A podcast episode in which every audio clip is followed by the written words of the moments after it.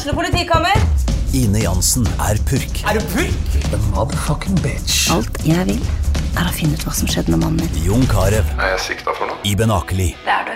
Ole So, Lars Berrum og Big Daddy Karsten. Hvem sin side er du på, egentlig? Anette Hoff, Tone Danielsen, Kommer du fra Afrika? Jørnis Josef, Nesten. Kløfta. Trond Espen Seim, Det er synd å si det, men det var feil mann som døde. Purk. Premiere tirsdag på TV2 Play.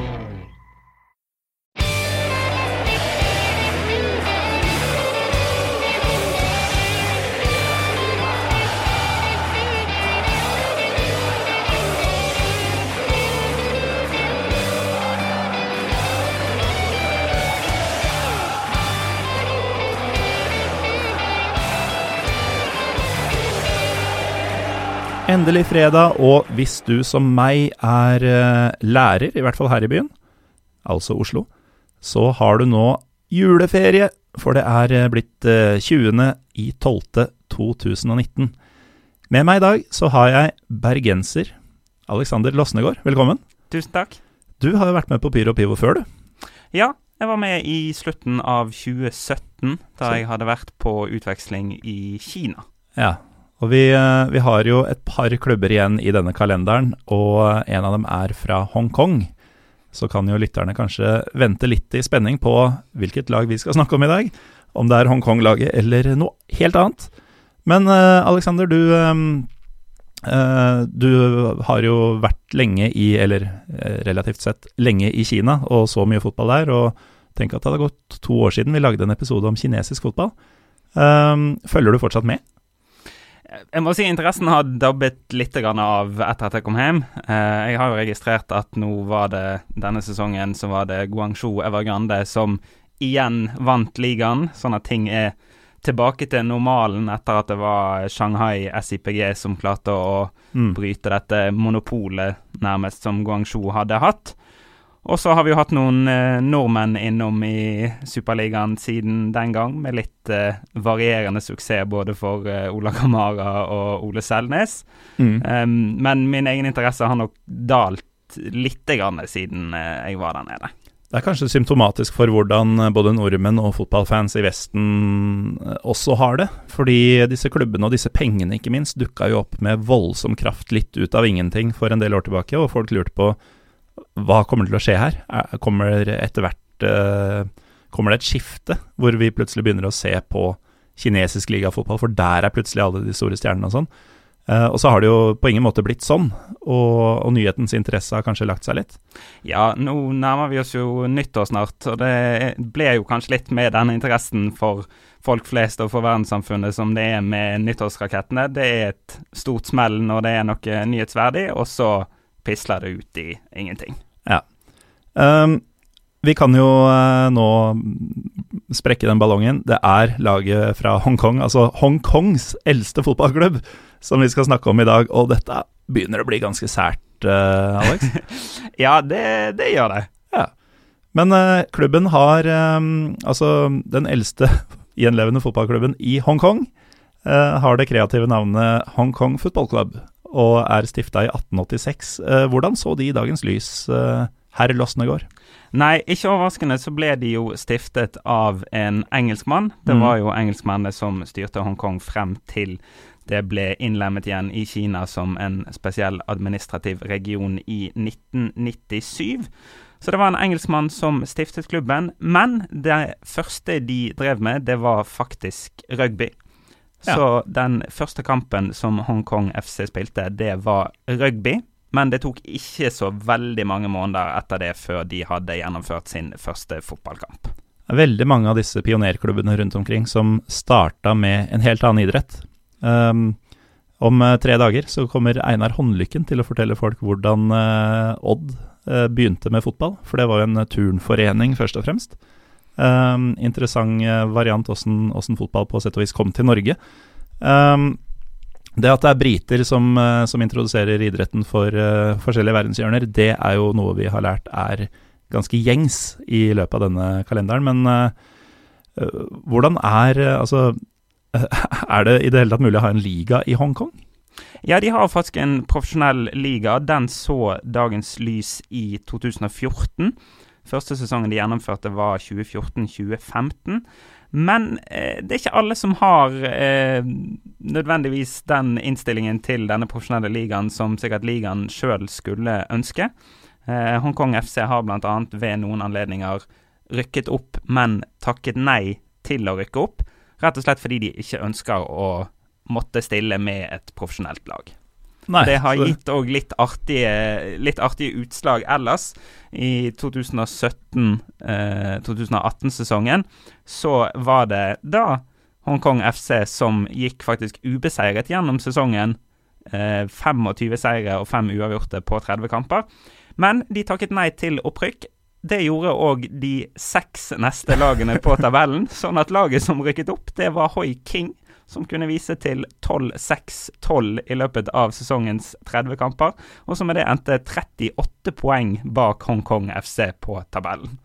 De var sikkert godt rusta sportslig til å ta det opprykket. Sannsynligvis så var de nok det. Um, men sånn uh, har det altså vært i de senere årene òg. Det er gjerne nummer én, nummer tre som takker ja til opprykk. Det har vært sånn som det var da i 17-18, at det var nummer åtte. Mm. Så den førstedivisjonen i Hongkong, den virker å være litt sånn Litt uh, lykke og fromme-basert. Så hvor er denne klubben uh, i dag, Alexander? Du sier de har takka nei til en opprykk, men uh, utover det? I skrivende stund så ligger de på andreplass på nest øverste nivå, bak det særdeles uh, artige laget Resources Capital, som jeg vil tippe kanskje hadde hørt bedre hjemme i en eller annen uh, bedriftsliga.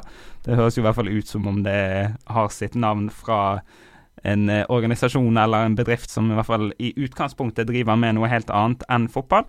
24 eh, poeng, en kamp mindre spilt, så det kan godt hende at vi igjen kommer i den situasjonen hvor de er blant et av de to lagene som spiller seg til opprykk. Og så vil tiden vise om de da velger å takke ja, mm. eller om de avstår fra det igjen. Altså Det andre laget du nevnte her, har jo et mye fetere navn enn eh, Hongkong eh, Football Club. Men altså, det jeg leser, er jo at Hongkong FC de kommer fra et sted som kunne gitt klubben et mye kulere navn. De eh, holder til en del av Hongkong som heter Happy Valley.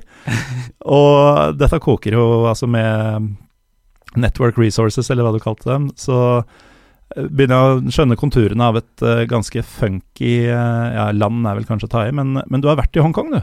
Ja, jeg var i Hongkong eh, en liten tur da på slutten av dette utvekslingsoppholdet i 2017. Og det var jo veldig spesielt, særlig etter å ha vært nesten tre måneder i fastlandskina.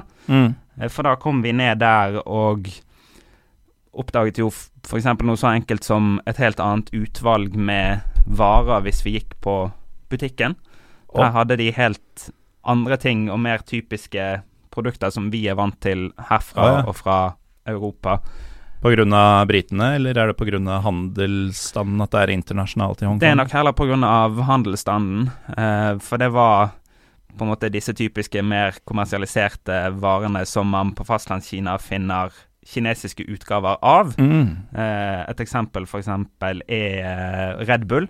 Ja. Det har man ikke i fastlandskina, for der har man sin egen kinesiske variant med noen gule bokser og røde bokstaver mens man da fant det i Hongkong.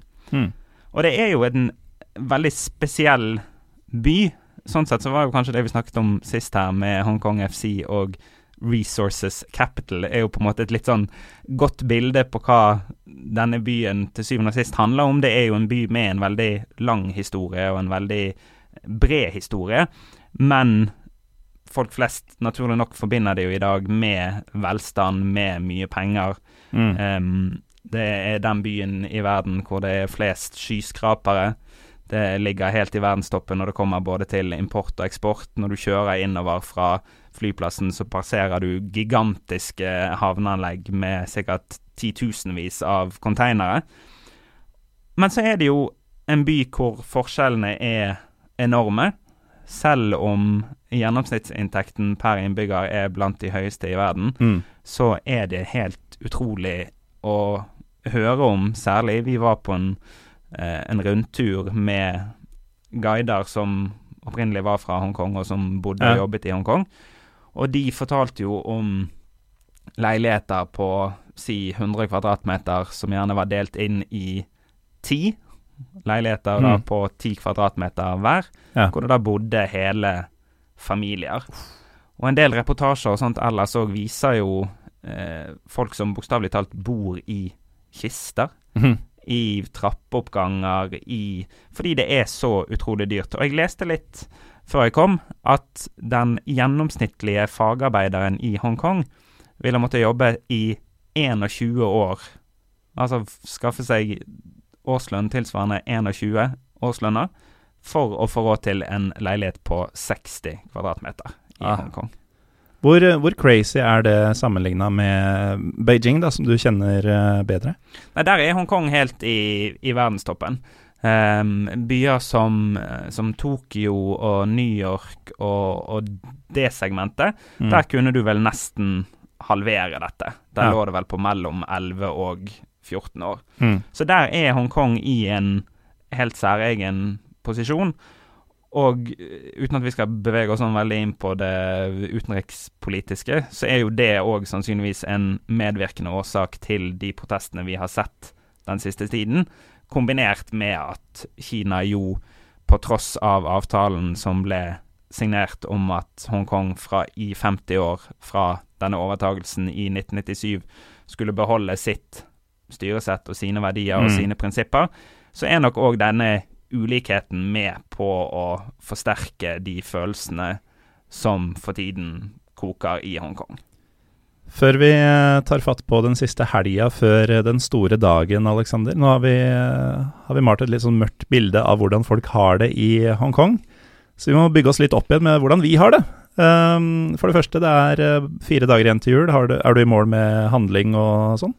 Ja, Hvis du så da jeg kom inn eh, døren, så hadde jeg eh, et par handleposer med meg. De var dessverre, for nesten si, min kjæreste Ja. sine. Så det betyr at jeg er ikke helt i mål med mine presanger, men det er ikke så veldig langt, eh, langt unna nå. Så jeg eh, tror det skal gå greit å komme i mål på de siste dagene.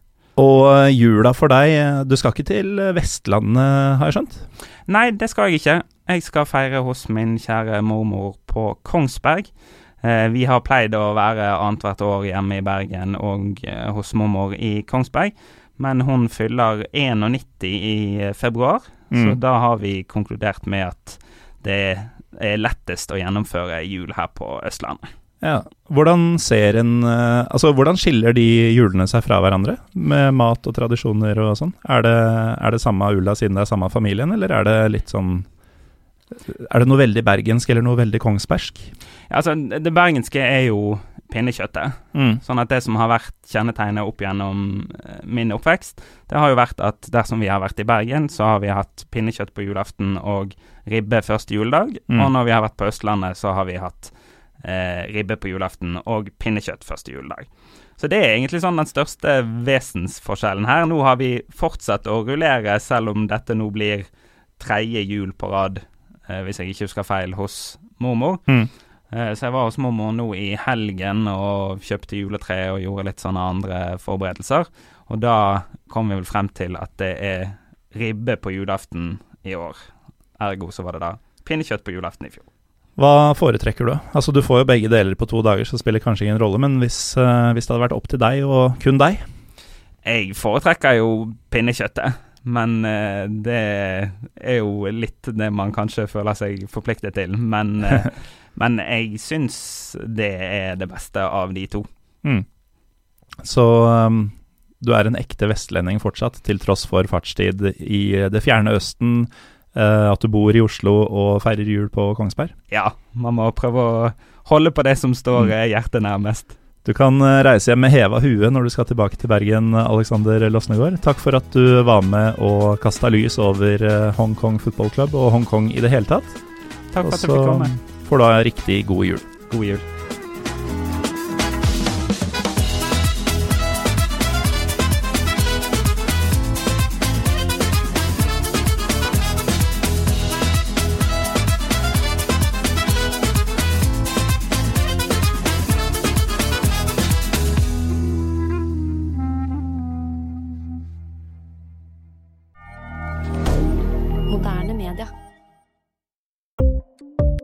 Ukens annonsør er HelloFresh.